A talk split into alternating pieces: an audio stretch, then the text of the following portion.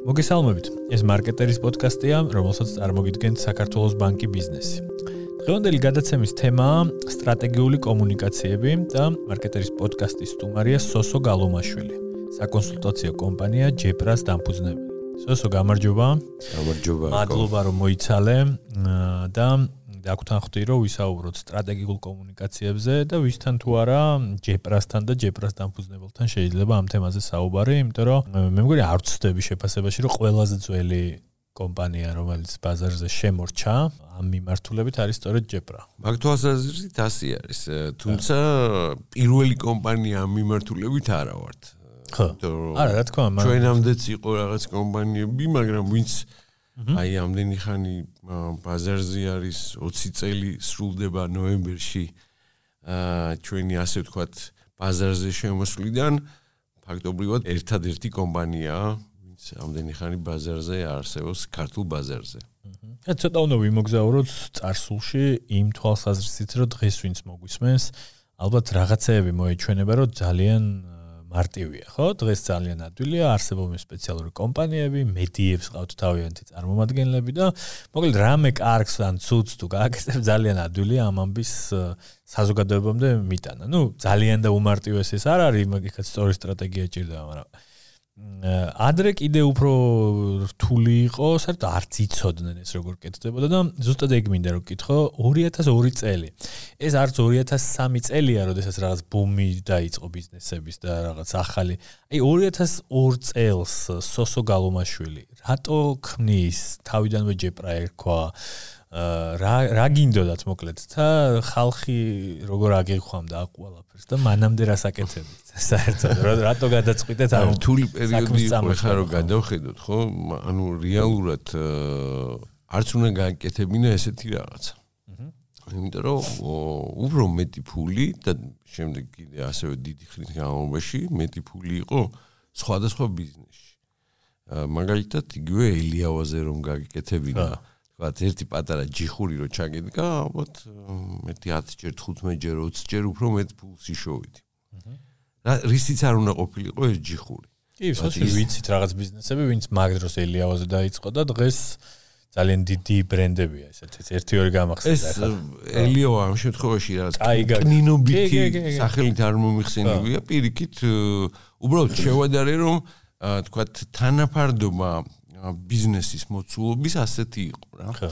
მაგრამ რა იყო ცი რომ მაშინ არ მქონდა კლეიტონ კრისტენსენის თქვათ გარდამტეხი ინოვაციების თეორია წაკითხული და არც მის თქვათ ნაშრომებს ვიცნობდი, მაგრამ ერთი რაღაცა კარგად დავაფიქსირე, რაც თქვათ მე კლეიტ უფრო თქვათ რამდენიმე წლით ადრე თურმე 1996 წელს მან თქვათ თეორიის სახით ჩამოაყალიბა რომ აა თუ არის მოთხოვნა, ეს მოთხოვნა უნდა დაკმაყოფილდეს. და რეალურად მოთხოვნა იცით როგორ იყო? აა თავისით ესე არ არსებობდა, მაგრამ ვიცოდი რომ საჭიროება გაჩნდებოდა. ცოტა გამიგზა. იყო უბრალოდ არ არ გაგიგზავნა, ძალიან საინტერესო თქო. ანუ იყო მოთხოვნა, უბრალოდ ვერ არქმევდნენ სახალს, რომ ეს უნდათ რო ყოფილიყო? იმიტომ რომ რატო იცი რაღაცა მახსენდება ახლა, რომ ეს ის დროა, არ დაგვაუწყდეს, როდესაც მესიჯის მისატანად წერენ თავიანთ მეუღლეებს და გვახსოვს ასეთი რეკლამა. თავისი სათქმელის მისატანად ეძახდნენ კინორეჟისორებს რომ აი შენ მარტივად შეგიძლია თქვა რაღაცა ცნობილ მწერლებს და რაღაც on რაღაც ძალიან ტიპიური რეკლამა გადავიღოთ იყო. მაგრამ აი კიდე რომ აუხსნათ რა გავაკეთოთ ეს ძალიან ჭირდა. ხო ანუ ეს ის დრო არის აი მოდი ჩვენ ახალგაზრდა ასე თქვათ სმენელს. სმენელმა რო გაიგოს მაგალითად ერთი ძალიან საინტერესო ისტორია მახსენდება რომ 2002 წელს აა სულ სამი დღე ჩავედი ქუთაისში. ეს არის როდესაც სტარდება თვითმართველობის არჩევნები. და ჩემმა მეგობრებმა მითხრა ჩავიდეთო კარგ პულმარილზეო ერთი ორი წვიანი რაღაცას ეთყვიო და სამ დღეში წამოვოთ ა მაქს მინიმუმ ორი დღე და მაქსიმუმ სამი დღეო აი ახალი დაფუძნებულია ჯერ კიდევ არ არის რეგისტრაციაში გატარებული ჯეპრა და უკვე ფიქრობ იმაზე რომ ამ მიმართულებით ვიმუშაო და ეს ჩემთვის ძალიან კაი გამოწვევა იყო რომ ნახო ერთი რა ხდება. ჩავდივართ ქუთაისში წავედით 2-3 დღით, აღმოჩნდა რომ მე დამიტოვეს იქ და ვიყავი 17 დღე. აა და რა იყო საინტერესო რომ მაშინ ტარდებოდა თვითმართველობის არჩევნები და ჩვენ ვეხმარებოდით ასე თქვა აი წარმოიდგინე უცებ ფაქტობრივად გავლელები ჩავედით და ვეხმარებით ქუთაისის მერობის კანდიდატს იმისათვის რომ მოიპოვოს მერობა. ნუგზარ ფალიანი იყო ასეთი კანდიდატი. მას თხოვა რომ დავხმარებოდით და ამიტომაც დავჭით. იმას იმან ის როგორ მიხვდა რომ თქვენ რაიმე დახმარება შეგეძლოთ. იცი რა იყო მანდ იყო ძალიან საინტერესო მომენტი. ის გადიოდა მემარჯვენეების, ახალი მემარჯვენეების სიდან და სახელი და ნომერი 38 იყო და აი არ ვიცი საიდან, მაგრამ მემარჯვენეებს აყვანილი ყავდათ სტრატეგიული კომუნიკაციების სპეციალისტი ბალტიის პირეთიდან. აი ნახე როგორი თემა იყო და იმან მოითხოვა რომ ადგილზე ესეთი ადამიანები თუ ყავთ, იმისათვის რომ მე თქვენ როგორც ვატყობ ვერაფერს ვერ გაგაგებინებთ, იმას რო ველაპარაკო, ვინმე აუცილებლად აიყვანოს. და ამ შემთხვევაში მე სწორ ადგილას, სწორ დროს მოხვდი და 17 დღის განმავლობაში იქ ცხოვრობდი. და რატო გამახსენდა ეს მომენტი? ნახე, როდესაც ძალიან მარტივია, ხო, უკვე დაგროვილი, ასე თქვათ, ცოდნა მქონდა და არა გამოსtildeება, ძალიან ბევრი ლიტერატურა წავიკითხე, ბევრ მასალას გავიცანი იმისათვის, რომ გარკვეულწილად ჩამოყალ ეს ოცნება და სურვილი რომ გაგვეკეთებინა საკონსულტაციო კომპანიათან PR-ისა და მარკეტინგული კომუნიკაციების მიმართულებით აა ამისთვის საჭირო იყო რომ ქონოდა გარკვეული აა ბაზა ცოდნის თეორიული, რომელიც სამწუხაროდ მე არ მქონდა ქიმიის ფაკულტეტი მქონდა, მე დამთავრებული და თქვა ეკონომიკის ფაკულტეტი თბილისის სახელმწიფო უნივერსიტეტში. აქ იყო ერთი ძალიან საინტერესო მომენტი, როდესაც კვლევასავით გავაკეთე პირველი რაც უნდა გავაკეთე, რომ კვლევა რომ რა სიტუაციაა, რა გჭირდება, რა კომუნიკაციის საშუალებები მუშაობს და ეს შენ კითხვაზე გამახსენდა ეს რაღაცა რომ აა პირველი რაც მითხრეს პირველ ადგილზე. აი შენი აზრით რა იქნებოდა, რა იყო ყველაზე ეფექტური ქუთაისში 2002 წელს კომუნიკაციის საშუალებებიდან? შუქი გვექნება? თუ არა, ეს თვითონ კომუნიკაციის რა მატარებლების მეშვეობით შეიძლება და მესიჯის მიტანა. აი შე როგორ ფიქრობ? ეს რაც გიდა დაასახელე. რა რადიო არა, რაღაცა უფრო ქუჩის ქუჩის ბიჭები. ძალიან მაგარი რაღაცა პირველ ადგილზე იყო ჭორი. აჰა. ხდები ანუ ყველაზე და მე თვითონაც ამაში დავწმუნდი რა რომ ნებისმიერი ინფორმაცია იმის გამო რომ ფაქტობრივად მხოლოდ და მხოლოდ 5-6 საათი მიეწოდებოდა სინათლე არ მუშაობდა ტელევიზია. ადგილობრივი ტელევიზია როდესაც იწყებდა მუშაობას იქ იჯდა ერთი ადამიანი მაშინდელი გუბერნატორი და მთელი ამ 6 საათის განმავლობაში პირდაპირ ეთერში მიყავდა თავისი თათბირი წარმოიდგინე. ანუ ეს ჩამოცილებული იყო რადიო ძალიან კაი რადიოები იყო მაგრამ ყველას არ ქონდა ამ შემთხვევაში. და დარჩენილი იყო სწორედ ეს ჭორი. სახალხო ჭორი. ანუ ხო ხდები ანუ ინფორმაცია ვცელდებოდა და ყველაზე სწრაფად როდესაც ჩვენ მეზობელს რაღაცას უყვებოდი. აი ეს იყო დრო ვირუსი კოვიდი ვითვლელო ომიკრონი ფაქტობრივად ვირუსული ვირუსი აი მაქედან ვირუსული კომუნიკაციები და პარტიზანული კომუნიკაციები მან ვისწავლე რა. და მაგრამ აი ეს გავი აი ეს პერიოდი იყო წარმოიდგინე რა. მაგრამ მე ეს ამან არ შეგაშინა. იმიტომ შენ ახლა რა ციგნებსაც წაიკითხავდი დარწმუნებული ვარ იქ ეწერო რომ ტელევიზიებთან შეხვედრები, მედიატურები, რაღაცა გაზეთებთან, ივენთები, ორგანიზაციები. კი, კი, არა, არ შემაშინა, იმიტომ რომ რა არის, ცირო, გარდა იმ ლიტერატურისა, რომელიც კლასიკად იყო ქცეული, თქვა, საზღვარგარეთული დასავლური ლიტერატურა ძალიან ბევრს კითხულობდი რუსულ ლიტერატურასაც ამ მიმართულები და იქ ფაქტობრივად ჩვენ ძალიან ბევრი საერთო ქონდა ხო ნუ პოსტა პოსტა საბედნიეროდ ჩვენ არამარტო თქვა პოლიტიკური და პოლიტიკური ლანდშაფტის თვალსაზრისით ცდილდებით არამედ ძალიან ბევრი კომუნიკაციის საშუალებები ჩვენთან იგივენაირად მუშაობს როგორც დასავლეთში და არა როგორც რუსეთში და ეს ძალიან მომწონს ამ თვალსაზრისით. იმ პერიოდში ფაქტობრივად ეს არის დამოუკიდებლობი ახალი მოპოვებული გვაქვს ფაქტობრივად წარმოიდგინე 1-2 წელი არის გასული იქიდან როდესაც შევიცვალეთ და რეალურად დავადექით დასავლეთის გზას. აი წარმოიდგინე 1-2 წელია. ჯერ მანამდე ყავდა თქვა იგივე რუსეთიდან დანიშნული შინაგან საქმეთა მინისტრი, თავდაცვის მინისტრი, წარმოიდგინე როგორ ქვეყანაში ცხოვრობდი და ნუ ერთ-ერთი პირველი საერთოდ არჩევნებია. ხო? ნუ აი ისეთი. ეს თქვა 2002 წლის თვითმართველობის ერთ-ერთ პროგრესულ არჩევნებად ითვლება სხვათა შორის ყველაზე ჭრელი საკრებულოები მივიღეთ მაშინ ჩვენ კი? ეს ეს მსმენელს დაინტერესებს აუზო ეს როგორ დასრულდა ამ კაცის გაიმარჯვა გაიმარჯვა. კი ეხლა ყველაფერს მე ვერ დავიბრალე რა თქმა უნდა არა შენ დაიბრალე მაგრამ რო ვერ გაემარჯვა ხო ალბათ უფრო ნაკლები გამო ანუ შენთვისაც ახლა ნუ ფაქტიურად პირველ ეგრევე წყალში ჩავარდი, რომ ვა, აბა ვცადოთ, რაც დავიწყეთ კომპანია. თუმცა ეს იყო დაახლოებით 2 წლიანი მუშაობის შედეგი, რაღაცა პატარა გუნდთან ერთად, როდესაც თითქოს რაღაცისთვის ვემზადებოდი რა. რომ ვიცოდი რომ ალბათ ეს ჩამქრალ ესე იგი ფაქტობრივად გაუქმებულ ქალაქში მოხდებოდი რა. რეალურად აი სერიოზულად ვიძახი ძალიან საინტერესო აი რითი იყო კიდე საინტერესო იცი რომ სადაც ცხოვრობდი ეს იყო თამარ მეფის ქუჩა აა ბალკონი ქონდა ჩემს guest house რა სადაც მე ცხოვრობდი და. ამ ბალკონიდან რომ ვიყურებოდი ხოლმე წარმედგინე აა მზის ჩასვლა ტოლფასი იყო ყველაფრის გაჩერების. და ბოლოს აი ეს ადამიანები ვინც ამ გზაზე გადადგა არც ერთი არ დადიოდა ტროტუარზე. ყველა დადიოდა შუა ქუჩაში მანქანები საერთოდ არ დადიოდა და შუა ქუჩაში რატო დადიოდნენ? რომ სადარბაზოში არ შეეტრია ვინმეს. და გაქცევა მოესწრო. მართლა ასეთი სიტუაციაა ამ ქალაქის მერობა რა თქმა უნდა და ეს ეს კიდე სხვა საკითხი არის არა. მე მე მე დაახლოებით ესე იგი პირველი აა ხუთი დღე დავხარჯე სწორედ აი ამ კვლევაში წარმოიდგინე რომ გამეგო ის ადაპტაციაში რომ ქუჩაში შუაში გე.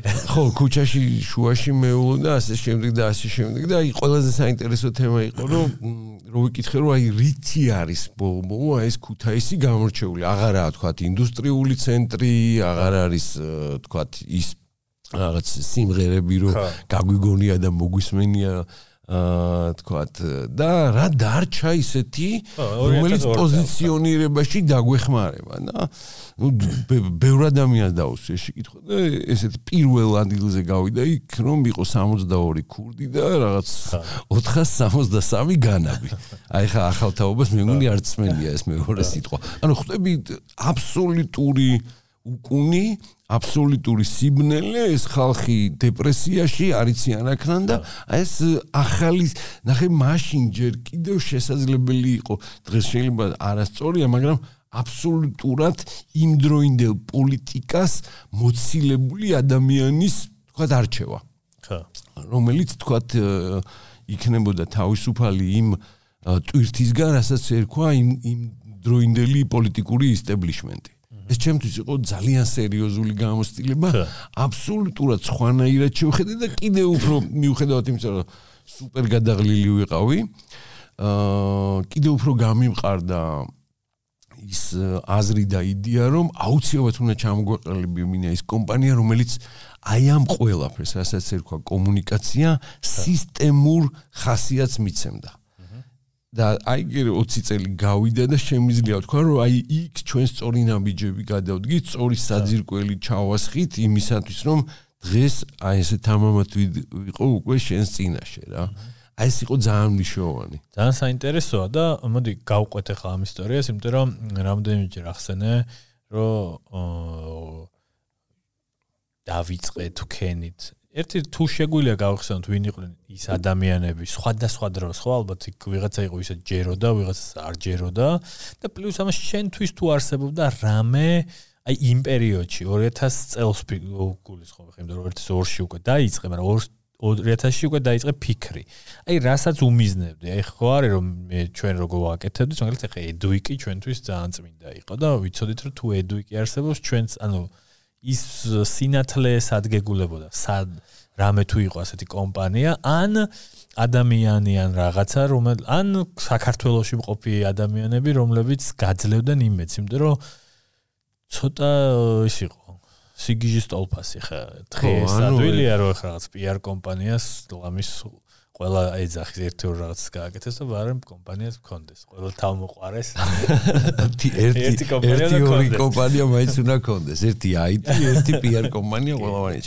კი, ძალიან კაი კითხვა და გეტყვი მარტივი პასუხიც არა მაქვს.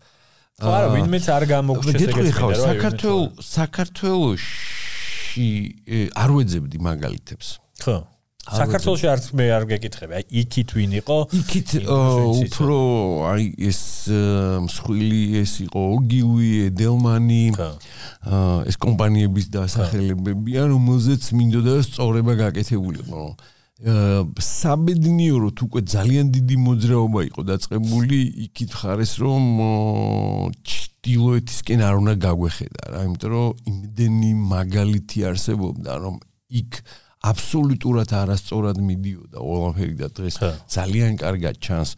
აა და სწორება არ ავიღეთ. იყო ბევრი შემოთავაზება, თქვათ, თავის დროზე, რომ ჩვენ გამختارიყავით რომელიმე თქვათ იგივე აფილირებული რუსულ რუსულ საბჭოთა იმასთან და აი პირველ ეტაპზე ეგ ძალიან სწორი ნაბიჯები გადავდით. ამ კი კი არა, ეგ ეგ გამორიცხული თემა იყო რა, რომ ყველანაირად უნდა მოუწყვეთ როგორც საქართველოს მოწყდა ამ ორბიტას, ну, ყოველ შემთხვევაში აღებული გვაქვს პირველი კოსმოსური სიჩქარე, გვინდა რომ ძალიანად მოწყდეთ, ესე იყო კომპანიების თვალსაზრისითაც. ეს ერთი.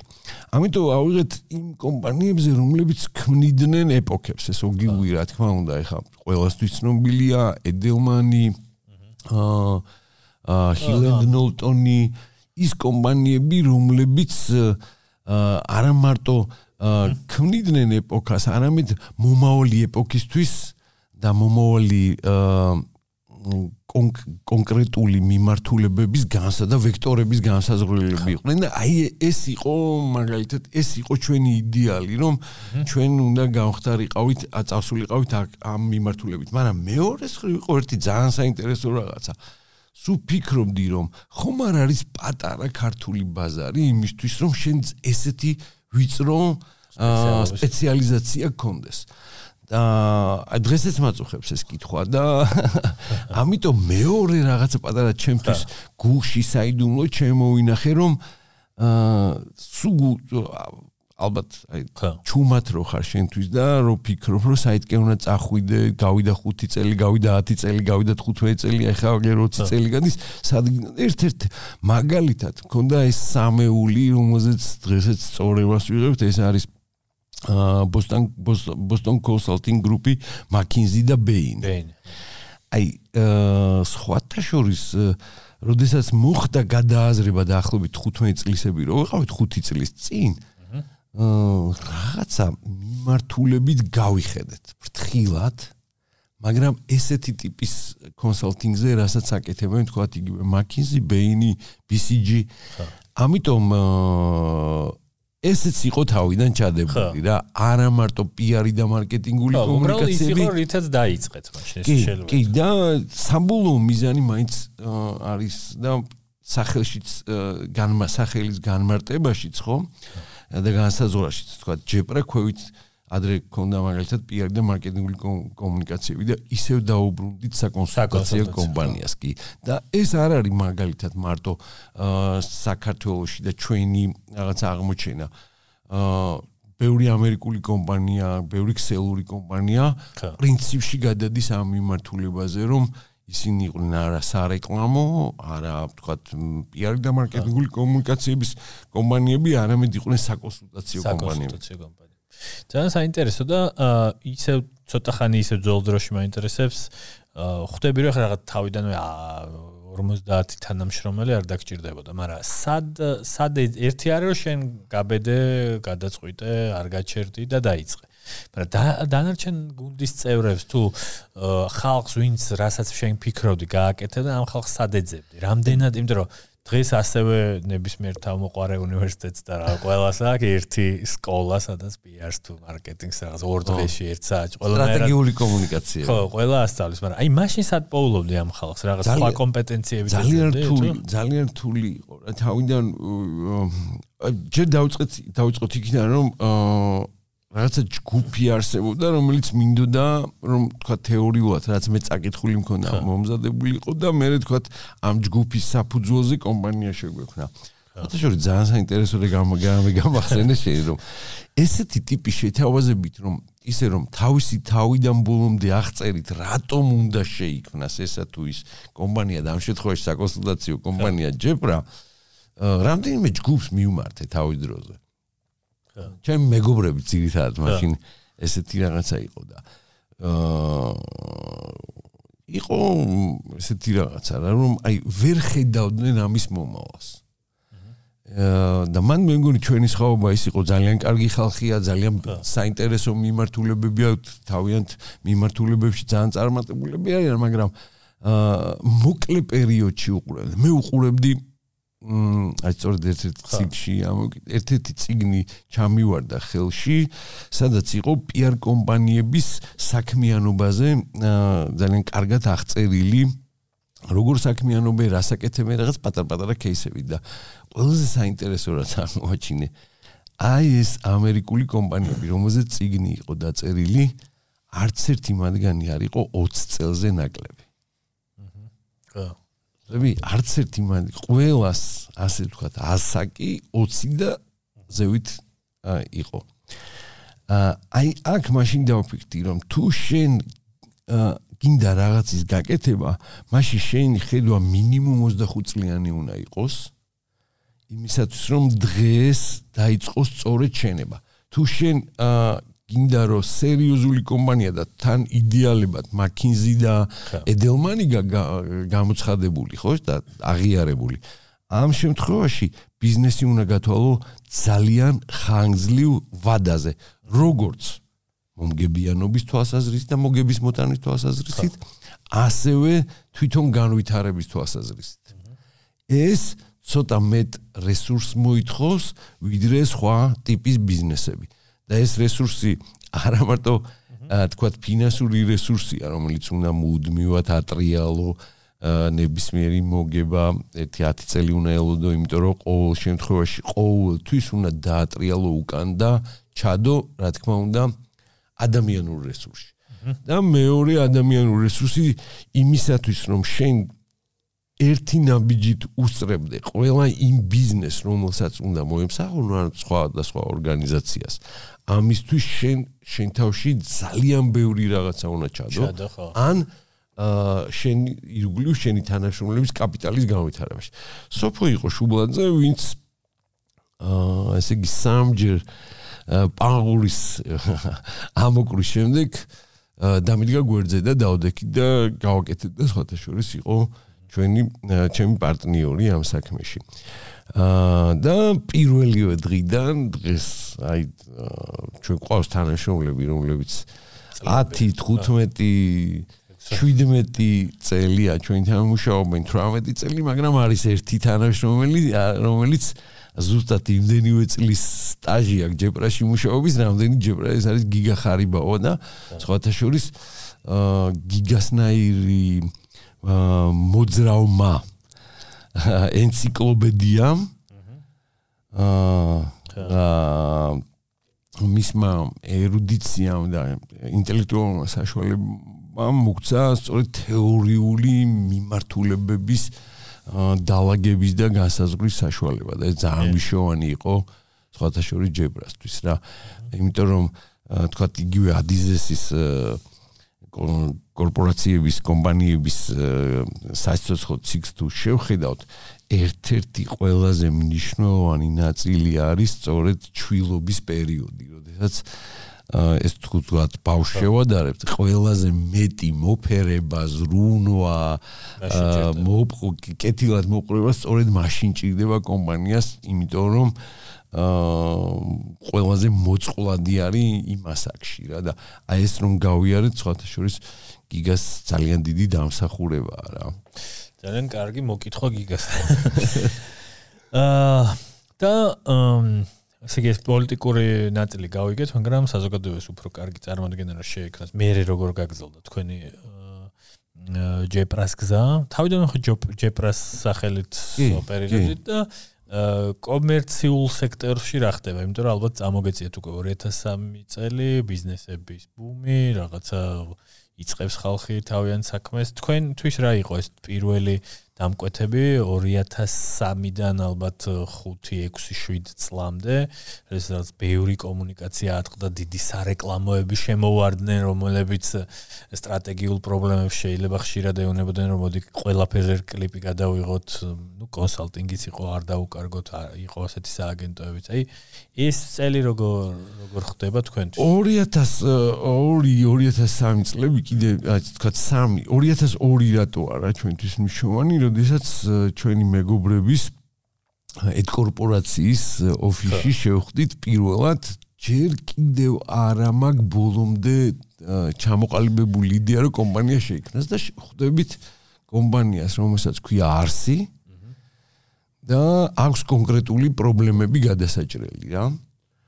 არსი სამშენებლო არის. სამშენებლო დეველოპერ დეველოპერული კომპანია, რომელიც უკვე არსებობდა, ქონდა ძალიან კარგი შენებლობები, კარგი ისინი, მაგრამ გარკვეულწილად მოუწია 1998 წლის აა სოფლიო ეკონომიკურმა კრიზისმა, რომელმაც ბევრი რაღაცა სხვათა შორის დაამარხა და გააჩერა. და ჩვენ მაშინ საბჭოთა ფაქტობრივად საბჭოთა სიუცის ეს ვიყავით რა ძალიან მიმული ამ რუსეთზე. რუსეთში მოხდა უზარმაზარი საბანკო კრიზისი და ჩაიყოლია ძალიან ბევრი ბიზნესმენი რომლებიც დაკავშირებული იყვნენ საქართველოსთან.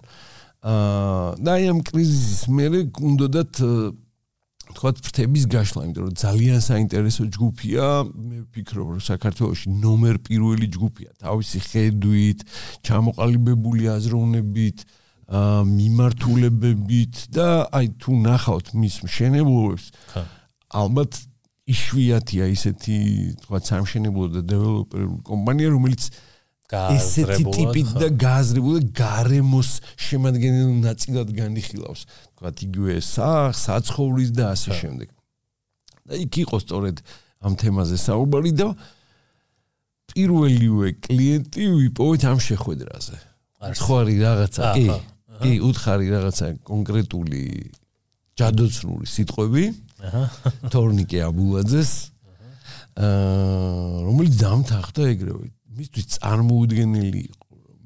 ერთ მარტივ რაღაცას გეტყვი რაზე იყო აპარაკი რა. რომ მას უნდოდა რომ აა გარკვეულწილად სტანდარტ სტანდარტებზე ხდებოდა არსის მთელი შემადგენლობა რომ მოდიოდა ველური კაპიტალიზმი ასე თქვა შეიძლება ყოფილიყო ინვესტიციები და აი ამ ქალაქის урბანულ ქსოვილს შექმნოდა პრობლემები.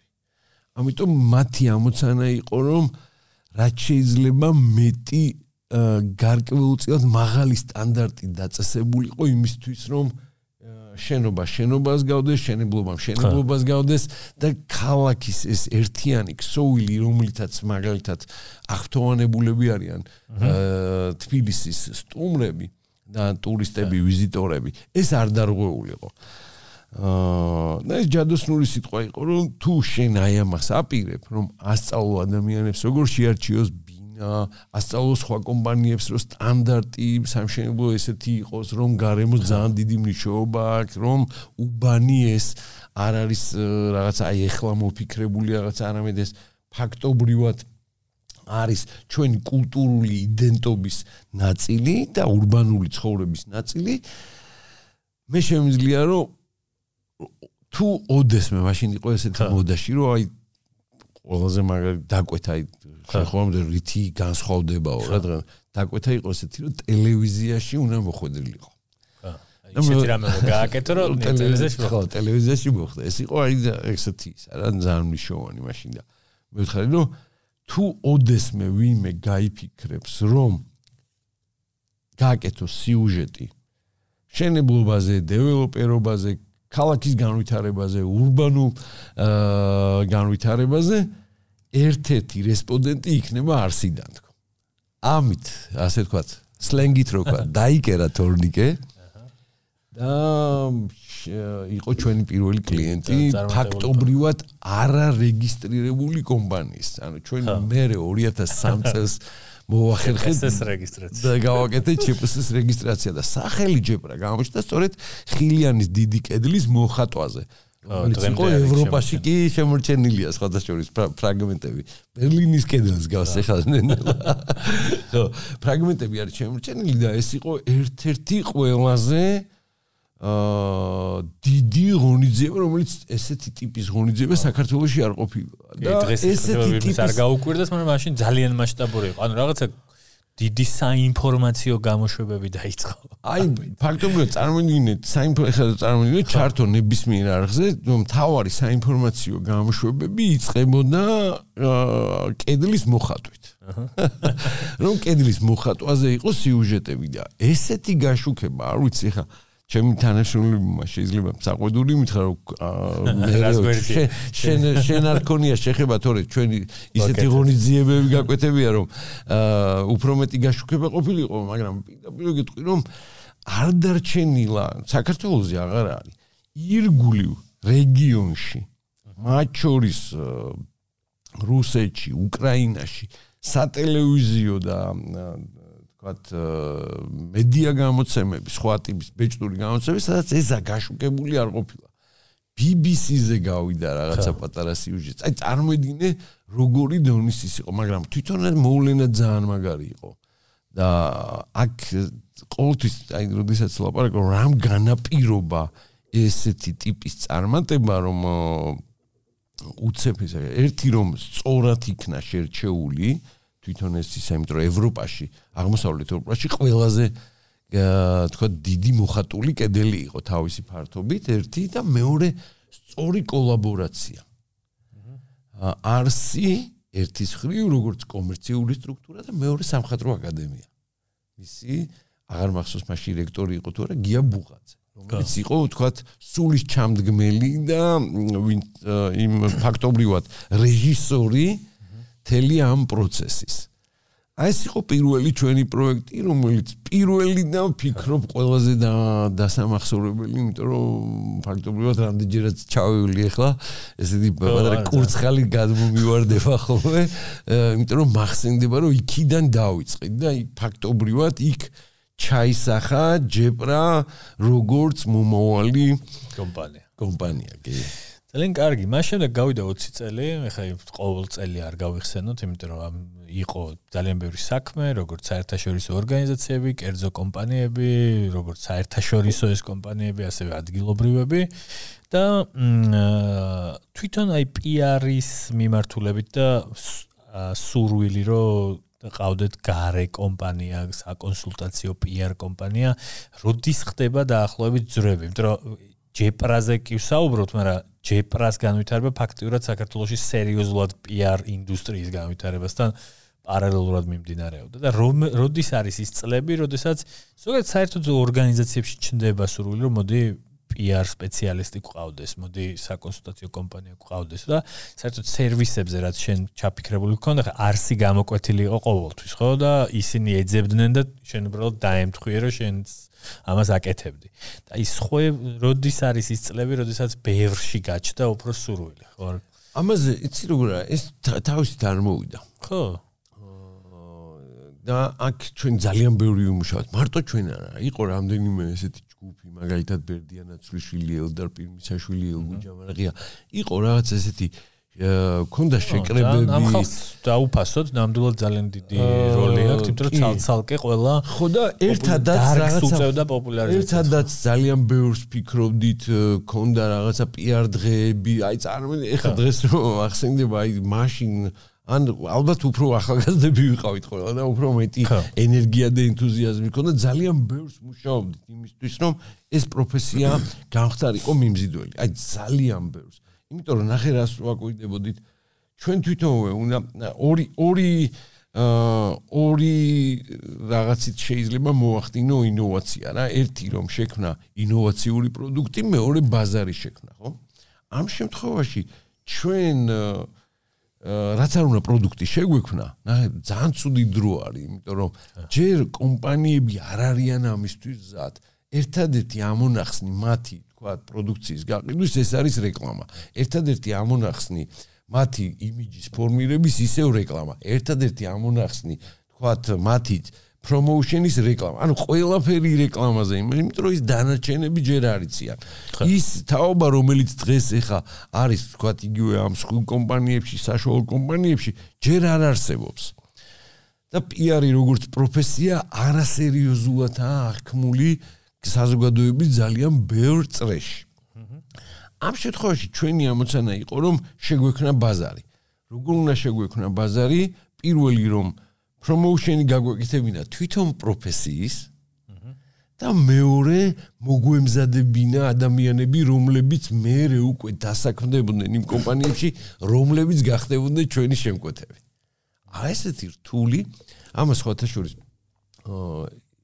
ძალიან ბევრი კომპანია დასავლეთში მიმართავს რომელსაც ქვია კლიენტის განათლება. ეს არ უნდა ეწყინოს ახლა თქვა იგივე ჩვენს კლიენტებს და ანუ ეს ძალიან მნიშვნელოვანი იყო კლიენტის განათლება ერთი მიმართულება და მეორე აა განვანათლე ჭირდება კადრი საიდან მოვიყვანო და აი აქ გავაჩინეთ უკვე აა სწორედ ის PR კურსები, რომლიდანაც შეიძლება კი, რომლიდანაც შეიძლება აქ აქ ელაპარაკანთ და ერთ ენაზე გველაპარაკა.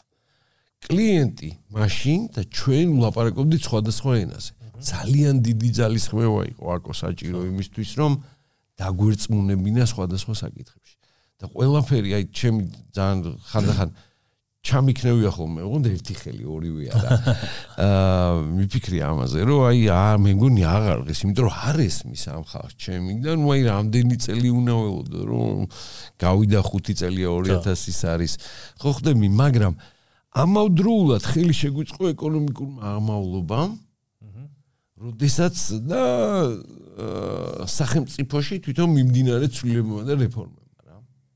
იმიტომ რომ პრეზიდენტი არის სააკაშვილი ის ძალიან დიდ ყურადღებას უთმობს ამ მიმართულებას. აი სწორედ ის დროარი, როდესაც სახელმწიფო ორგანიზაციებმა საზოგადოებასთან ურთიერთობის თვალსაზრისით გაასწრეს კერძო კომპანიებს. არის რამდენიმე თიძე ჩამოსახლელი, რომელიც კამპანიური ხასიათის, თქვათ, კომუნიკაციას აწარმოებდა, მაგრამ ძალიან ცოტაა. და აქეთ ხარეს, თქვათ, სხვათა შორის ამ შემთხვევაში სააკაშვილის ფაქტორმა ძალიან წინ წამოწია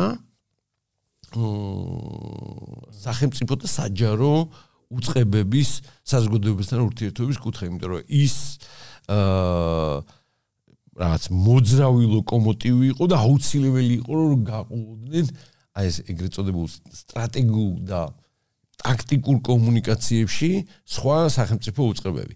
და აი აქ ამ ამანაც ეს ის დაგვეხმარა ჩვენ რომ უკვე კერძო სექტორსაც დაინახა რომ მის გარეშე აი ესეთი კონკრეტული კომუნიკაციის აწყობილი სისტემური კომუნიკაციების გარშე არაფერი არ ხდება.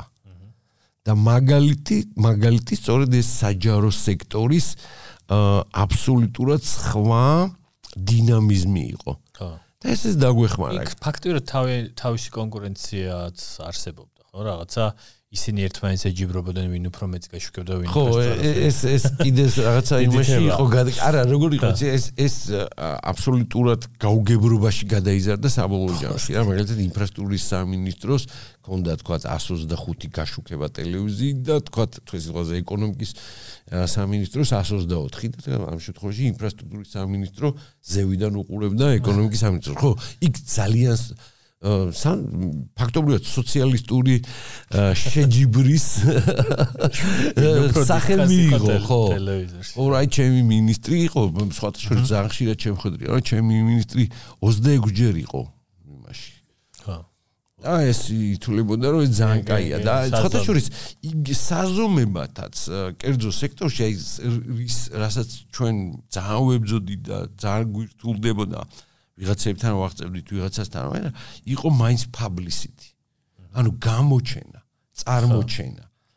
და უკვე ეს შეჯიბრი და ციფრებით манипуляция რო 115 ჯერ გამოჩდი თუ 114 ჯერ რეალურად გაცდა იმ ფარგლებს, რაც თქვა დასავლეთში იყო მიღებული რა, იმიტომ რომ მოდი დღეს ეს თქვა, რომ რეალური საზომები რომლითაც თქვა იგივე სოციალურ ქსელებში შენ შეგიძლია გარკვეული აა მიმართულებების და კომუნიკაციის ეფექტიანობის გაზომვა, არც მაშინ არსებობდა. და დღესაც არ არის ესეთი რა, იმიტომ რომ არ შეიძლება ერთის ხრივ 125 ჯერ გამოჩნდა ტელევიზორში, მაგრამ მისი ეფექტიანობა თქვა იყოს ნულს ქვევით. შემდეგ ხდება ძალიან საინტერესო პერიოდი, მოკლედ ყველაფერზე იმუშავა, მე ვფიქრობ, თქვენმა აქტიურობამ, იმ ხალხის ჩართულობამ, სფერო გახდა თვითონ ძალიან საინტერესო და მოკლედ ბევრი ადამიანი გამოჩნდა, ვინც თქვა, რომ მე ჩემ თავს ხედავ საზოგადოებასთან ურთიერთობაში, კომუნიკაციებში, ეხა ეს როგორ და რანაირად თალკე ამბავია, მაგრამ სწორედ სწორ დროს ბაზარს პასუხობს ჯეპრა და იძახის რომ მოდი გავაკეთოთ PR სკოლა, იმიტომ რომ გაცილებით დიდი გზა იქნებოდა რომ ეს რაღაც საბაკალავრო გამხდარიყო, მიუხედავად იმისა რომ დღეს სადღაც სადღაც არსებობს ეს და ისწავლება ადრეც რაღაცა თლაც პირდაპირ, მაგრამ რაღაცნაირად ისწავლებოდა ეს ყველაფერი PR სკოლა. როგორ გითხრა უცბად, როგორ უცბად კი არა და მოკლედ როგორ გაჩნდა ამის იდეა და რატო ჩათვალეთ რომ ეს თქვენი როლი იყო და არა ვიღაცის, იმიტომ რომ ხშირად ხდება ხოლმე რომ სხვა უყურებს რომ ისინი ამას აკეთებენ და მე სკოლას გავაკეთებ. და დღეს როგორ უყურებ? რეალურად ამ სკოლამ რომელიც 3-4 თვე გრძელდება ხოლმე ძალიან ბევრ ადამიანს გაუხსნა. თვითონ ამ სფეროში აა კარი. მათ შორის მე. სხვა გაროს მანდ გაგიცანი და ამიტომაც ჯერ კიდევ არსებობს და იარსებებს პიარ სკოლა. ეხლა ნახე რა არის 2002-დან 2007 წლამდე აა მე რაც ჩამოთვალე ის პრობლემები გვაქვს რა ჩვენ მივდივარ წინ. ჯერ არც ომია, ჯერ 2007 წელი მოგეხსენება რომ ორ ორ ნიშნა ეკონომიკური ორ ნიშნა რიცხვზე გავიდა ეკონომიკური და არის ძალიან ბევრი საინტერესო პროექტი, ინვესტიციები შემოდის, ჩვენი კლიენტები ხდებიან უკვე საერთაშორისო ორგანიზაციები და ამ დროს ვატყობთ რომ ჩვენ თვითონაც შესაძლებლები ვარ და ქირაობთ ძალიან საინტერესო პროექტია PUM, ქვია PUM-ი, ჰოლანდიელს, რომელიც გვინდა რომ რომელმაც გვინდა რომელსაც აქვს ძალიან დიდი გამოცდილება საერთაშორისო კონსალტინგ და PR კომპანიებში მუშაობის და გვინდა რომ შემოვიყვანოთ და გვაჩვენოს აი ეხლა რა ხდება რა. ჩვენთან მაგალითად უკვე cash cow გაგვიჩნდა ივენთების ანუ მეწველი მეწველი ძროხა ჩდება უკვე როგორც არის ივენთების მიმართულება და ყველაზე დიდი პროცენტი 80%-ამდე ჩვენი შემოსავლების უკვე ამას შემოაქვს და ვაკეთებ დიფერენციაციას, მაგრამ ხედავთ რომ სადღაც არასწორად მივდივართ. აი ეს დიდი მიზანი McKinsey, Edelman-ი, მაინც და მაინც აქეთკენ არ უნდა წავიდეთ და სწორედ გქირავთ ამ ადამიანს, რომელიც ჩვენთან კონსალტინგის კუთხით ჩამოდის რომ გვასწავლოს როგორ გადავიდეთ ახალ ეტაპზე და იქ როდესაც ვიკრიბებით ხედავთ რომ აა რაღაცებზე უნდა თქვა თუ არის. და ყველაზე მაგარი აი რომელიც თქვა დღეს უკვე სასახელოდ შემიძლია ვამბობთ 80% ჩვენი შემოსავლების რისკ რაც აკეთებდა გენერირებას იმას. და ეს იყო სხვათა შორის. შენ თქვი რომ გადარჩიო მაშინ მაგრამ არა აი ეს იყო ფულზე უარის თქმა იყო ჩვენი გადარჩენის ერთ-ერთი ძალიან მაგარი გზა 2007 საერთოდ არაგებნათ მე გზა. რომ სწორედ წავსულიყავი და დღეონდე იმიტომ რომ ხო ძალიან ძალიან ძალიან მაგარ რაღაცას გვიზიარა ძალიან რთული იყო ერთის ხრივ მაგრამ ამ გადაწყვეტილებაში მარტო იყავე არა არა აქ უკვე 2007-ში აქ უკვე იყავი არა არა კახა კახაც ეთახმებოდა ამას იმიტომ რომ ძალიან ძნელია ორგანიზაციაში გუგუნებს რაღაც მიმართულება და იმიტომ ხო ხდები ხა ჩვენ გვისმენს უამრავი ბიზნესი, უამრავი ცირე საშუალო ბიზნესი, რომელსაც შეიძლება ხედავს, რომ რაღაც არის პროცესი, რომელიც ფულს აგენერირებს, მაგრამ სხვა საკითხია ეს რას უშვება საერთო ხედვა, სტრატეგიას, მიმართულებას. აი ახლა რაღაც კონკრეტული ბიზნესები გამო. არ დაგი ხო, ეხა არ დაგი ხო, ეგ ეგ მე მე ვკითხულობ, იცი რა, სამწუხაროდ მე წავიკითხე ბევრი რაღაცა, რომ არის ეგეთი მიმართული, ეგეთი ბიზნესები სხვათა შორის სოფიოში არაერთი მაგალითია, მაგალითად სარესტორნო ქსელი, რომელიც გუგუნებდა შენ გიყვარს ეს სიტყვა, გუგუნებდა ამერიკის შეერთებულ შტატებში, უცებ 500 აა იმით რა ქვია, პატარა იმით ქსელით მთელი ამერიკის მასშტაბით გადადის და ხდება საფთიაქო ქსელი. ხდები არადა მომგებიანი იყო. ხო? რა ხდება რაღაც. რომ ახალი მიმართულება უნდა თუ გინდა საიდღაც და ხედავს რომ შეიძლება რაღაცა მომენტში ეს გაჩერდეს. ჩვენ მე ჩვენ აი ეგ გვეხმარებოდა და იგივე ახალ თაობასაც, იგივე სტარტაპერებსაც ეს ხა შენ მიგიწვდება ძალიან ფართო წრესთან. ეს უნდა ალბათ მივიტანოთ მანამდე რომ აა გძელვადიანი მიზანი არის ძალიან მნიშვნელოვანი. და მაშინ დავფიქრდით რომ აი ეხლა ესე რო წავიდეთ აა კი ბატონო ფული შემოვა 80% არ არის ეს ეს აი არ ვიცი. და ვიცი ხა ახლავით რა ხელა რაღაცაზე გაქვთ უარენო თქო. 4 თვე იყო ამაზე დისკუსიები. 2007 წლის სექტემბრიდან 2008 წლის დაახლოებით აა იანვრის ჩათვლით 5-4-5 თვე გამოდის ეს რომ მიდიოდა ამაზე დისკუსია რა იქნებოდა სწორი რა თუმცა აი იქ აა ლუი ჩვენი ლუისი აა ჰოლანდიელი სპეციალისტი ის ის იყო რომ მე ძალიან ბევრ კომპანიაში ვარ ნამუშევარი და მინახავს როდის გაუჩნდათ მათ პრობლემები, როდესაც აცდნენ მიზანსო. და იცი როგორ არის თუ ამას ამ მიზანს აუწდებოდით კიდე 1-2 წელი და მე ჩვენ უკვე ვეღარ მოვახერხებდით გადასვლას. თუნდაც იმ თვალსაზრისით რომ სტაფი ანუ თანაშრომლები რა კუთხით უნდა იყვანოს, რა განვითარება უნდა ჩადო, რა მიმართულება უნდა მიცე ასე ტრიალდება კომპანია და ამ შემთხვევაში ივენთებზე, ანუ ღონისძიებების მენეჯმენტზე უარის თქმამ, აა უკვე სხვა კუთხით დაანახა ჩვენი თავი ჩვენს პოტენციურ კლიენტებს. ნახე რა მოხდა? ერთის ხრივ აა ჩვენ ხედავდით ეგეთ რაღაცას, რა რომ აა არის რაღაც ტერიტორია. აა სადაც ჩვენ ბაზარმა დაგვიშვა რომ ფული გვეშონა. და ეს ტერიტორია არ არის მუდმივი. აი ბოლო ერთ-ერთ ბლოკში დავწერე კიდევაც რა. ეს ტერიტორია მუდმივად ანუ დრეიპს, დრეიპ დრეიპს ასე. შეგაკეთებინება ხვალ სხვა შეძენია. ხო და თავარია რომ ორი რაღაცა არის რა. ერთი რომ შენ გაიგო რა ტერიტორიებზე იქნება ხვალდაზე ფული. და ნინილა გადაინაცლო იქითკენ და მეორე გააფართო ეს ტერიტორიები. ამ შემთხვევაში ხედავდით რომ აა არ ვიცოდი ეს ტერმინი მაშინ რომ ივენთები ხდებოდა წითელი ოკეანე. და მოგვიწევდა ძალიან ბევრ კონკურენტთან გამკლავება.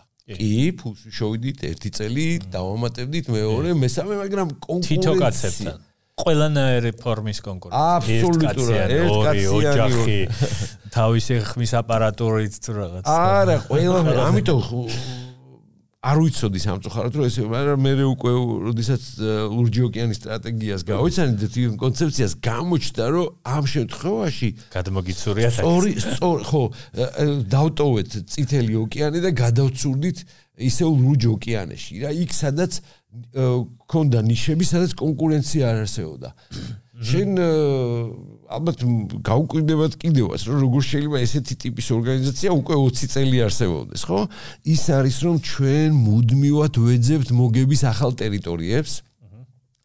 ჩვენ გვაქვს ორი მიმართულება ერთი გვაქვს კრეისერი რომელიც ესე იგი გვაქვს ეგეთი კრეისერი სტრატეგია ჩვენ მივდივართ რაც არ უნდა მოხდეს აქეთ ბომბებს ისვრიან იქით არჩევნებია მარცხნივ არ უნდა წახვიდე რაღაცა მოკლავე. მარჯვნივ არ უნდა გადაუხო მივდივართ ჩვენ სწორ ხაზე გვაქვს ჩვენი დღის წესრიგი იქიდან გამომდინარე რომ ვიცით მიზანი სად არის. და მოგების ტერიტორიის ცვლილებასთან ერთად იცვლება ჩვენი არა ბიზნეს მოდელი, არამედ იცვლება ჩვენი მიმართულებები. აი ეს არის ძალიან მნიშვნელოვანი. აი აქ ხედავ რომ აა ძალიან დიდი პოტენციალი აქვს ქართულ კომპანიებს თუ სწორად გააიაზრებენ აა საით ხვალდაზე სად შეიძლება იყოს მოგების ტერიტორია და იქ გაჩდებიან, იქ შეიცვლებიან. უიმე მე გუშინ უშვებდი, არ ვიცი, მაწონს. აჰა. და ამიტომ უნდა გავაგზავნო მაწონის გამოშვება. ხვალ, ზეგ, მაზეგ. რაღაც ჩემი ტრადიცია არის ასეთი მაწონი და ეუნები რო იცი რა აღარ უშვებს არავინ ესეთ მაწონს და არ მოწონს მოსახლეობას, არ მოწონს მოხარებას და მოდი გააკეთე ხაჭო ესეთი, ისეთი და აი აქ ხაჭოსთან არის რა მოგება და არა მაწონში. აი ეს არის ძალიან მნიშვნელოვანი. მინიმუმ აი ეს წითელი და ლურჯი ოკეანის მაგალითი ძალიან კარგია, რომელიც ფიქრობ ძალიან კარგი საზრდოა, ეხლა ვინც გვისმენს საფიქრალად, რომ ის რასაც დღეს ფული მოაქვს თუ როგორ თქვა ხდება მარტივი საკეთებელი ყოველასთვის ეს იმას ნიშნავს რომ აქ ველოდებით ძალიან ბევრი კონკურენციას. ბევრი კონკურენცია კი ზოგჯერ კარგია მაგრამ ეს აფუჭებს ხშირად ბაზარს ვიღაცა ფასს აგდებს ვიღაცა და შენთვის მოკლედ უფრო და უფრო რთული ხდება ეს. აი ძალიან მახსენდება მადაგასკარის 3 მუსფილმებზე გიждდები. მადაგასკარის 3-ში ერთ-ერთ მომენტში ეს როდესაც უნდა დაბრუნება რა თავისთან ნიუ-იორკში ეს ლომი ამ ცხოველებს უყვება რომ ბიჭო გაიგეთო რა სასწაული მოხდაო ვიღაცა ტიპები გაიჩითნენო ხო ვიღაც კანადელებიო და გააკეთეს ცირკიო და წარმოგიდგენიათ არც ერთი ცხოველი არ არისო. კარგად არის ამ ლურჯი ოკეანეში. აღწერილი რომ სწორედ ეგ სირკ დე სოლეი ხო დუ სოლეი ეს გახდა მე კი გაკოტა არ ვიცი მე უკვე აღარ მივყევი მაგრამ გახდა აბსოლუტურად განსხვავებული ცირკი რომელიც 5 დოლარიანი ბილეთებისგან განსხვავებით სადაც ცხოველები მონაწილეობდნენ 400 დოლარად ყიდდა ერთ ბილეთს. გაკოტრების ამბავი მეც არის ეხლა გადავამოწო. არა, არა, კარგად მიდიან. არა, კარგად მიდიოდნენ, მაგრამ რაღაც პრობლემა იყო და იქ პრობლემა არ ვიცი, იმიტომ რომ ჯერჯერობით არსად არ არის კარგად აღწერილი ლიტერატურაში. ჩვენ გადავამოწოთ, მაგრამ სვენელსაც უთხრათ, რომ თავის მხრივ გადავამოწოთ. რა მოვიდა სოლეის, რომელიც ბილეთი 400-500 დოლარი ღირდა, კი? დღევანდელი მდგომარეობაც მითხარი და ასევე ძალიან ერთ საინტერესო ამბავი მოხდა, ნელ-ნელა წავიდეთ ბოლოსკენ. საინტერესო ამბავი მოხდა, რომ ჯეპრას 20 წელთან დაკავშირებით ერთ-ერთი გზა, რომელიც მგონია რომ ბევრი სხვა შენერას ციცახი რა ჩვენ დავისახეთ მიზნად კორონა დაიწყო და ყველაფერი ხო ეს რეალურ მაგალითს ხვევი ხო მე ამისე იყო ბიზნეს ლიტერატურის გაქართულება, თარგმნა და ამ მიმართულებით რომ ჩვენმა ორგანიზაციამ, როგორც არის ჯეპრა და ეს ჯეპრა არითვლება ტოპ 20 20 მწარმოებელი საქართველოს რაღაც მიგრაცია სამწუხარო ჯერ არა. ჯერ არა. მაინც საკმაოდ ბევრი სასარგებლო რაღაცა გააკეთეთ რაც საზოგადოებისთვის კარგია. ხო ის არის რაღაც ფონტების გაკეთება ქართულად გაქართულება თარგმნა ეს სად გაჩნდა? რა რატო ჩნდება ესეთი იდეა და სურვილი 20 წლის ორგანიზაციაში? ისინი ჯერ ხო ყოველწლიურად სტრატეგიული შეხვედრები გვაქვს და აქ ძალიან ბევრი რაღაცას წყვეთ ჩვენი კომპანიის განვითარების და ყოველ 5 წელიწადში ერთხელ გვაქვს სუპერ სტრატეგიული შეხვედრა სადაც არა მარტო ну თქვა განვლილ გზას ვაანალიზებთ არამედ შემდგომ 10 წელზე ვაკეთებთ აქცენტებს ხოლმე და აი მაგალითად 15 წლის რო გავხდით სწორედ მაშინ ერთ-ერთ ყველაზე დიდ შეხვედრაზე კარგად გადავიაზრეთ რა იქნებოდა ის მიმართულებები სადაც ჩვენ თავს სოციალური პასუხისგებლობის კუთხით გავაკეთებთ. და ერთი ძალიან მაგარი მიმართულება ხარ როგორც არის პიარ სკოლა ისეც ქონდა ეს მიმართულება ერთის ხრივ ეს ალბათ შენ თქვი რომ მაგაზე ცალკე ვილაპარაკებთო და ერთი ხრი შეიძლება ძალიან დიდი ტვირთია ჩვენთვის მაგრამ მეორე ხრი ძალიან მნიშვნელოვანი განაცხადია იმ საშუალებას გვაძლევს დიდი და მნიშვნელოვანი განაცხადი გავაკეთო და მესამე მართლა ძალიან ბევრ ადამიანს გაუხსენით თვითონ კომუნიკაციების სამყაროში გზა რომელიც ზოგადად არასოდეს და ვერასოდეს ძალიან მაგარი არქიტექტორი იყო მაგალითად რეზი ნიჟარაძე რომელიც დღეს ერთ-ერთი ყველაზე ძლიერი კრეატივშიკია, ხო? საიდან დაიწყო მან თქვა ფეხის ადგმა პირასკოლი. უამრავი ასეთი ადამიანი რეზი ხა უბრალოდ იმიტომ გამახსენდა, რომ ფაქტობრივად აღარ დარჩა რამე ჯილდო სოფლიოში, რომელიც არ ქონდეს მოპოვებული და იყო კარგი არქიტექტორი. მე კი მეუნებოდა რომ შენ შენი ბრალიაო რომ ამ არქიტექტურას შევეშვი, მაგრამ ჩვენ მივიღეთ ძალიან ბევრი ესეთი საინტერესო ადამიანი პიარს. კი, პიარშიც და დავაზუსტო რომ პიარშიც და მარკეტინგშიც, იმიტომ რომ ფაქტიურად კომუნიკაციები როგორც ასეთი ბიზნესი რო ეკომუნიკაციო სხვადასხვა გზით თუ ფორმით საზოგადოებას ვინ თუ არა პიარ სკოლამ გაუხსნა ძალიან ბევრს ეს გზა. და ასევე ჩვენი ეს თი მიმართულება, ეს განათლება და მეორე მიმართულება იყო მწვანე მიმართულება. აი ამ განათლებაში უფრო მეტი გავაკეთეთ. პიარ სკოლიდან დაწყებული ბიზნეს ლიტერატურის გაქართულების თემა. აა შრიფტების ხელნაწერი შრიფტების გაქართულების გაციფრულების საკითხი და უამრავ ნიკო ნიკოლაძის პროექტი. სულ ყველაფერი განათლებასთანაა დაკავშირებული. ერთი ხრი მოდი ასე ვთქვა რა ეს არ არის ქველმოქმედება აი გა ძალიან მნიშვნელოვანი რა.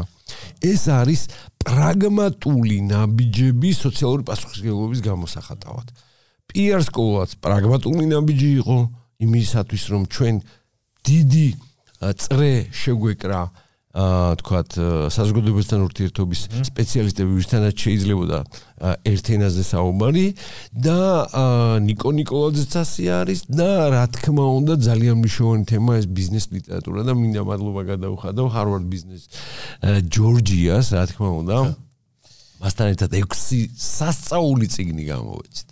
სასწაული და აქ რო ჩვენი კონტრიბუცია მცირეოდენი არის ეს ძალიან მიხარია. რეალურად რატომაც გეკითხები არის რომ ხშირად როდესაც აი ესეთი გააზრებულ ნაბიჯს გავს, არავის არ გასჩენია მოკლედ აზრი რომ ამას ესენი პიარისთვის აკეთებენ. რაც არ უნდა ბანალურად ჟღერა. აი ძალიან დამაჯერებლად აკეთებდით ხო ამ ნაწილში შემოვალ სრულად ამ ნაწილში ისე დაგიჭერ შენ თარგმნე მაგრამ მე დაგიჭერ ხარს ამას გავაკეთე. ანუ რის თქმა უნდა იცი რომ სამწუხაროდ ახლა უბრალოდ დრო არა გვაქვს მაგაზე რომ ვისაუბროთ ხშირად ეს სოციალური პასუხისგებლობასა და პიარში ერთ გონიათ რომ სოციალური პასუხისგებლობა და რაღაცა პიარისთვის აკეთებ თუ რაღაცა აფუჭებენ იმას რომ ეს იყოს საფუძვლიანი და უხარისხოდ აკეთებენ რაღაც საქმეს არა ხო შენ შემთხვევაში ხო ხა ის სმენელისთვისაც რომ ეს გასაგები იყოს უბრალოდ კარგი მაგალითს ვიძახი რომ გარდა იმისა რომ ჯეპრა თუ იყო ამ ციგნის პროექტში მხარდამჭერი. ხედავდი როგორ ერთვებოდი. შენ მიხვდები ამის ვალდებულება? არ ქონდა პირიქით აქეთ უნდა მოგეთხოვა. შენ თვითონ კითხულობდი ყველა გვერდს ყველა ტექსტს რეკომენდაციებს აძლევდი. იმიტომ რომ დაინტერესებული ვიყავი რომ ის პროდუქტი ყოფილიყო კარგი. და აი ესეც არის ალბათ კარგი მაგალითი იმისა რომ აი ჩემთვის ახლა მართლა და სანახაობა კარგი იყო რომ ეს შენ სადღაც გამოსასვლელად და უი ჩვენ ჰარვარდს მხარი დაუჭირეთ და გამოვიდა კი არისო. მართლა გინდოდა რომ ის კარგი ყოფილიყო და ხო, მაგრამ ამის უკან მოდი პირდაპირ ვთქვა, რომ ჩვეულებრივად პრაგმატული მოსაზრება მაქვს რა. იმიტომ რომ ჩვენ ამ განათლებაზე, აი, როდესაც ვამბობდი 2007 წელს კახა მაგრაძე ძალიან მაგრა დამიჭირა ხარი და სწორი ნაბიჯები გადავდგით, ხო, როგორც შემმა პარტნიორმა. აქაც ესეთ რაღაცას ხედავ, რა გააზრებული, გუნჩი გააზრებული გვაქვს და ყველამ კარგად ვიცით. რა პრობლემები აქვს დღეს განათლებას? რა მიმართულებებზე ვიმუშავებთ? ბევრ უნივერსიტეტთან თანამშრომლობ, წარმოიდგინე. ფაქტობრივად ერთი თუ არ ვწდები 9-10 უნივერსიტეტთან თანამშრომლობთ, რომ მათი სილაბუსები გაუმჯობესდეს. ის სპეციალისტები, ვინც უნდათ რომ თქვათ გამოვიდეს, რატომ? იმიტომ რომ მე მე ვარ მომხმარებელი მათი სპეციალისტების. იქ მომზადებული სტუდენტი მე აღარ უნდა მჭირდებოდეს, რომ 2-3 წელი დამჭirdეს გადამზადებისთვის. მე თუ ისინი მომცემენ უფრო მომზადებულ სტუდენტს, მე ნაკლები ფინანსები დამეხარჯება. ეს ერთი პრაგმატული თემა. მეორე დავინახე რომ აა ცხოვრება მოითხოვა სტრატეგიული კომუნიკაციების სპეციალისტების უნივერსალიზაცია კიდევ უფრო მაღალი დონით. ახე თუ IT სპეციალისტებს ან დღეს არსებული მიმართულები პროფესიების ყველაზე პოპულარული და ყველაზე მაღალანაზღაურებადი რაც არის ძალიან ვიწრო სპეციალობებია. მაგალითად მონაცემთა ბაზის მეცნიერი, ხო, რომელიც 250000 დოლარიდან იწყებს მუშაობას, თქვათ, IT დეველოპერი და ასე შემდეგ, რა. აქ ჩვენთან მოხდა ხდება უნივერსალიზაცია. აღარ არის საკმარისი არა მარტო PR-ისა და მარკეტინგის კარგად ცოდნა, და დამატებული პლუს რაღაც ბრენდინგში გამოსtildeება, კლევაში გამოსtildeება. არამედ უკვე მოთხოვნა ჩდება ისეთ სპეციალისტზე რახან სტრატეგიული კომუნიკაციას, რომელმაც იცის ბიზნეს მოდელების შექმნა. რომელსაც შეუძლია პროექტების უკვე თამამად მართვა, რომელსაც შეუძლია HR მენეჯმენტი თავისი კუთხით. რომელსაც შეუძლია მაგალითად აა გუნდის мотиваცია. ანუ წარმოიდგინე ძალიან ფართო გაგების სპეციალისტად ყალიბდება სტრატეგიული კომუნიკაციები. და ის ციგნებიც იმიტომ გვინდოდა, რომ ქართულად ყოფილიყო. მოვიდა წააკითხე ეგრე. რომ ჩემთანაც მოვიდეს და ასევე უნივერსიტეტებმაც და ძალიან ბევრმა უნივერსიტეტმა უკვე ფაქტობრივად ლიტერატურაში ჩასვა ის 17-ვე წიგნი, რომელიც გამოიწვია ორი ნიკოლაძეზე არის და ამიტომ ეს ესეთია. ნიკო ნიკოლაძეს ეხა ხო იცი ვაღმერთებ მე და როდესაც იყო ესეთი პროექტი და შემოგთავაზა ნიკო ნიკოლაძის საზოგადოებამ პიკდაპი დაოფინეს და ძალიან საინტერესოა ნიკო ნიკოლაძის ხედვებზე ეს ალბათ ცალკე უნდა ვილაპარაკოთ ამაზე და მეორე თემა არის რომ მე უკვე მჭირდება და ხედავ რომ TBC-საც ჭირდება, საქართველოს ბანკსაც ჭირდება, საქართველოს ქართულ, რა ქვია, საქართველოს კაპიტალსაც ჭირდება, ჯორჯიან კაპიტალს, რომელსაც უამრავი მიმართულება აქვს, ხო? ყველგან ჭირდება უკვე უნივერსალიზაცია ამ თანამშრომლების, პარტნიორების, ვინც დაეხმარებიან დაწყებული ბიზნეს მოდელის ჩამოყალიბებიდან, მაგალითად, საქართველოს ბანკის რებრენდინგები რო ავიღოთ, ხო, წელების განმავლობაში. იქ მარტო იმაზე ხო არისო ლაპარაკი რომ რაღაც ლოგო გამოიცვალა ხო? მთელი ბიზნეს მოდელი შეიცვალა. წარმოგიდგენთ და ის ადამიანები ვინც არაერთხელ თან ხო? ეხლა ძალიან საინტერესო პროცესი მიმდინარეობს ამ ინვესტიციების ხრევ მაგაზე შემდეგ პოდკასტში. ძალიან ძალიან საინტერესო და შეხედე აქ თუ შენ უკვე არ ყავს სტაფი რომელიც ემუშავება ესეთი მასშტაბური რეფორმის დროს გარე კონსალტინგ კომპანიას ფაქტობრივად ყველა დოკუმენტი გახდება ესა რა ქვია მაგიდის უჯრის ესა რა ქვია მაგიდის უჯრაში აღმოჩნდება. ეგ ამნიშნული ამიტომ არის რომ უნივერსალიზაციას ითხოვს პროფესია. ეს არ არის მარტივი პროფესია, ეს არ არის ფოიერვერკები, რომლითაც თავდებოდა 2007 წლამდე ჩვენი ღორიძიები 2000 მე რა მე ვაკეთებ კიდევაც ამ რაღაცებს, მაგრამ აი ესე ძირითად მიმართულებად აღარ აქვს. ეს არის რთული პროფესია, რომელიც მოითხოვს ძალიან დიდ თავდადებას და ძალიან დიდ შრომას. მაგრამ უკუ კავშირი არის ძალიან სასიავნო. დასრულებული პროექტის სახით შედეგებზე ორიენტირებული აა და შედეგის სახით რომელიცაც შეიძლება რომ იამაყო. აი ძალიან მარტივ მაგალითს გეტყვი და მიხვდები რა რა არის აი ამ გარდა აი თქვა ციგნებისა ბიზნეს ლიტერატურის ჩვენი სიამაყის საგანი რა. აი თიკო სამყურაში შენ კარგად იცნობ ხო? აა საიდან საიდან მოხდა ჯებრაში? პიარ სკოლაში ერთ-ერთი საუკეთესო პროექტი გააკეთა და პირდაპირ პიარსკოლის მერხიდან მოხდა ჯებრაში. ეს ესეთი ძალიან ბევრი შემთხვევა. ჩვენ აქცენტს ვაკეთებდი სხვათა შორის სწორედ ჩვენთან გაზდაზე. ეხლა რახან ცოტა პლატფორმულ ფორმაზე გადავდივარ და ძირითადი ნაწილი ჩვენი თანამშრომლობა ჩვენთან არის გაზდილი. სტუდენტის მერხიდან ამ პიარსკოლის გარემოც პრინციპში ეგ კიდე ერთ თემა. რა სულ გქონდა შენ და გინდა რომ მოხვედი და რაც იცი კი არ არის ეგ არის საწყისი წერტილი მაგრამ განვითარდი. რა თქმა უნდა. და აი მაგარამეს გეტყვი. მაგალითად ადვოკატირების კამპანიაში ხუთი სასწაული შედეგი აქვს თიკოს ანუ ის რაც დაიწყეს მიიყვანეს ადვოკატირებაში წარმოგიდგენ მიიყვანეს ბოლო შედეგი აი ეს არის დღეს ჩემთვის აა საფასური იმისა რაც 20 წლის განმავლობაში ვიშრომეთ ჩვენ ხედავთ რომ რაღაცის დაწყება შეგვიძლია და შედეგის მიღება. აი ეს არის ჩემთვის ყველაზე მნიშვნელოვანი და ამას უკვე აკეთებს ახალი თაობა რომელიც კაცილებით უფრო წინ არის თქვა იგივე ჩემთან შედარებით თავისი ახალი ცოდნებით, ახალი აა გარემოს აღქმისა და გაგების და დამოკიდებულების თვალსაზრისით და მით უმეტეს აი ამ ციფრიზაციის, გაციფრულების ეპოქაში აა მე ამ შემთხვევაში უფრო ფეხის ამწყობი ვარ და ის ახალი თაობა არის ლოკომოტივი და გახსოვს შენ ჩვენთან ძალიან მაგარ მოდაში იყო და დავნერგეთ რევერსული მენტორინგი. ანუ არის მენტორი, ჩაულებრივი მენტორინგი რა არის, რომ აა უფროსი თაობის ადამიანი ასწავლის უმცროსი აა ასაკით უმცროს ადამიანებს რაღაც გამოცდილებას უზიარებს. ჩვენთან რა იყო? მოვიდა ზურიუსი და მაშინ არ ქონდა საერთოდ სოციალურ ქსელებთან და იმასთან და ის გახდა ხო რევერსი ანუ უმცროსი ასაკის ადამიანმა გვასწავლა ყოველას სოციალური ქსელები პირველად მაშინ გავაკეთეთ Facebook-ი, Instagram-ი არ იყო, Twitter-ი და ასე შემდეგ. ანუ ნახე ესე ძალიან მნიშვნელოვანია, მაგრამ ამას გაძლევს გარემო, დემოკრატიული თუ არ არის.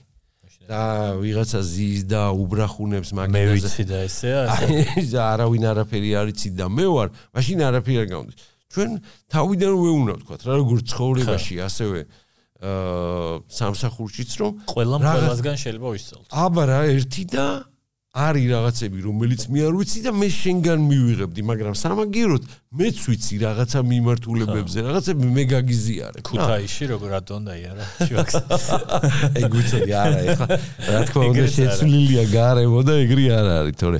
ასე იყო და ეხლა თქვა იგივე ვინც იმ პერიოდში ქუთაისში ცხოვრობდა კარგად მიმიხვდება რა რომ რა სიტუაცია იყო საღამოს მოდიოდა სინათლე და იყო ერთი ადამიანი ტელევიზორში. მეტი არ თათბირი მიდიოდა პირდაპირ ეთერში წარმენდინე და. აბა საიდანაც ხო უნდა გავცერებული იყო ინფორმაცია? ინფორმაცია ვცელდებოდა ჯორებით.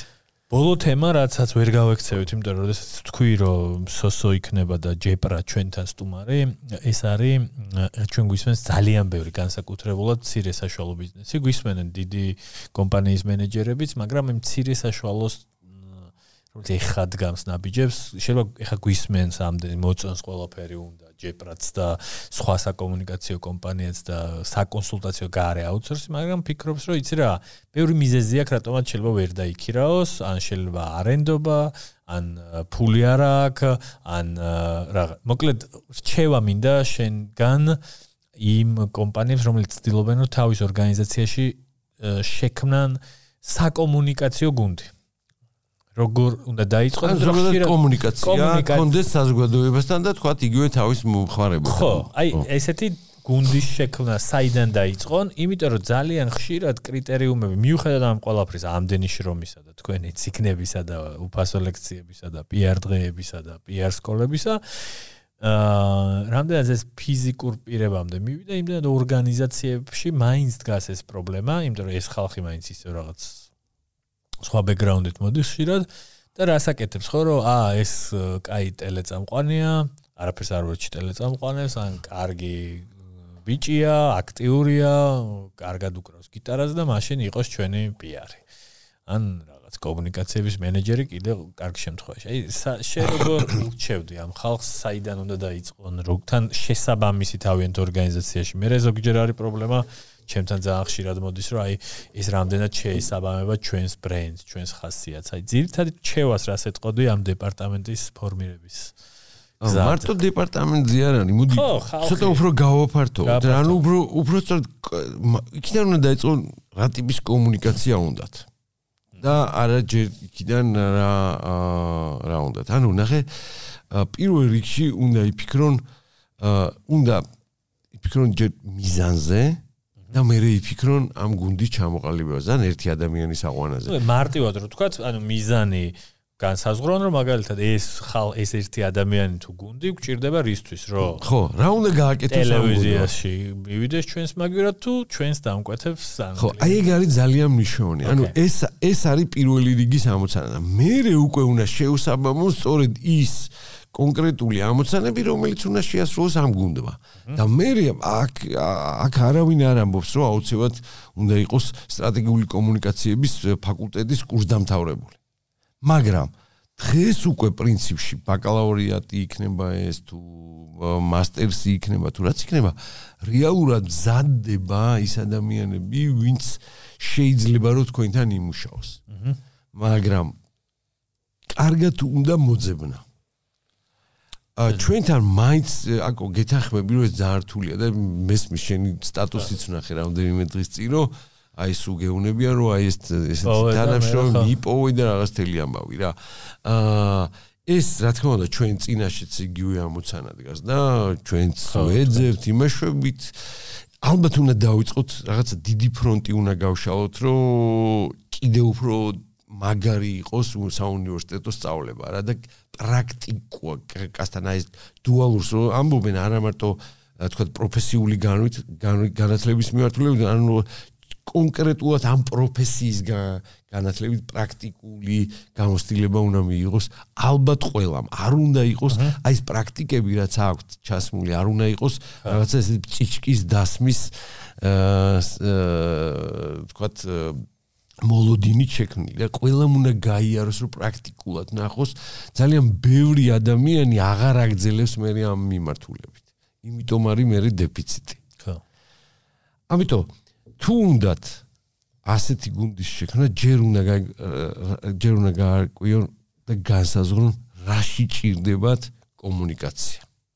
და მე უკვე უნდა იფიქრონ იმაზე როგორი როგორ დააკომპლექტონ ეს გუნდი ამაში შეგვიძლია სხვათა შორის შენ საგერ უფასოდ და უანგაროდ უწევ იმას რა ქვია კონსულტაციას ჩვენც დაინტერესებული ვართ რომ რაც შეიძლება მეტი პროფესიონალი იყოს იმ კომპანიებში და ორგანიზაციებში რომლებიც ბაზარზე არიან. რა რომ იმიტომ რომ ჩვენ გვინდა რომ ქართულმა კომპანიებმა რაც შეიძლება მეთხას იცოცხლო. ძალიან ბევრი გამოსtildeება დაგვიგროვდა სამწუხარო რომ კარგად დაწყებული კომპანიები დღეს აღარ არსებობენ. და სულ ეძებ ხოლმე მიზეზებს რა. და არის რა თქმა უნდა ძალიან ბევრი მიზეზი მაგრამ ერთ-ერთი არის ის რომ არასწორი კომუნიკაცია.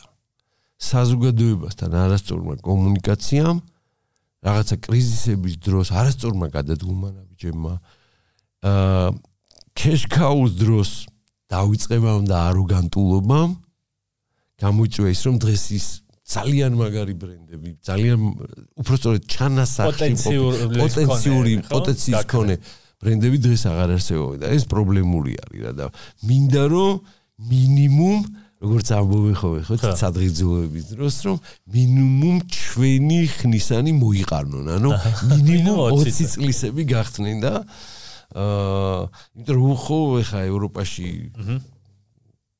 იგივე თურქეთშიც ხო უამრავი ის გვინახავს ორგანიზაცია, რესტორანი, სასტუმრო, რომელსაც აწერია 1891 წელი. 1800 სინსი გვენახოს თქვენ კომპანიის. აი სინს, სინს აი აქედან უკვე ძალიან ბევრია, ხო იგივე არსი, აგერ 30 წლისა. აი თქვა იგივე საქართველოს ბანკი რამხელა ისტორიის კონე ის არის. თქვა თავიღოთ იგივე აუერსი აი უამრავი უამრავი არა ხო აი ეგეთი კომპანიებია ძალიან საინტერესო პოდკასტი გქონდა, არ ვიცი თუ შეძელე მოსვენა, აა თვითონ თოდუას კლინიკაზე, ასევე დამოუკიდებელ საქართველოსთან ერთად შექმნილი ბრენდი. კი, ნამდვილად საინტერესო ამბავია. ხო, აი ესეთი ბრენდები სხვათა შორის მე რეკნიან კულტურას. კი. თუ ჩვენ მოგწონს იქს რომ რაღაცა არსებობს იგივე აი ძალიან ხშირად ბევრს ლაპარაკობ იგივე ესპანურ კულტურაზე, ბრენდებზე, რამაც იტალიურზე, ფრანგულზე. რამ შექმნა ეს საბულო ჯემში კულტურას რა აყალიბებს? თუნდაც იგივე კორპორატიულს. მიბაძვა მაგალითები. ჩვენ ამ კომპანიებს და ბრენდებს უნდა გაუფრთხილდეთ რომ სამაგალითო იყოს სხვა დამწყები სტარტაპერებისთვის რომ ის თურმე რომ 30 წლიანი ბრენდი არსებობს დამოუკიდებელი საქართველოსთან ერთად დაბადებული და გაზრდილი არ ყოფილა მარტო ქართული ოცნება. ეს არის ქართული ოცნება, რომელიც რეალობაში გვაქვს 30 წლის ბრენდები და ძალიან მნიშვნელოვანია რა. ძალიან დიდი მადლობა. დღევანდელი პოდკასტის სტუმარი იყო სოსო გალომაშვილი. საკონსულტაციო კომპანია ჯეპრას დამფუძნებელი.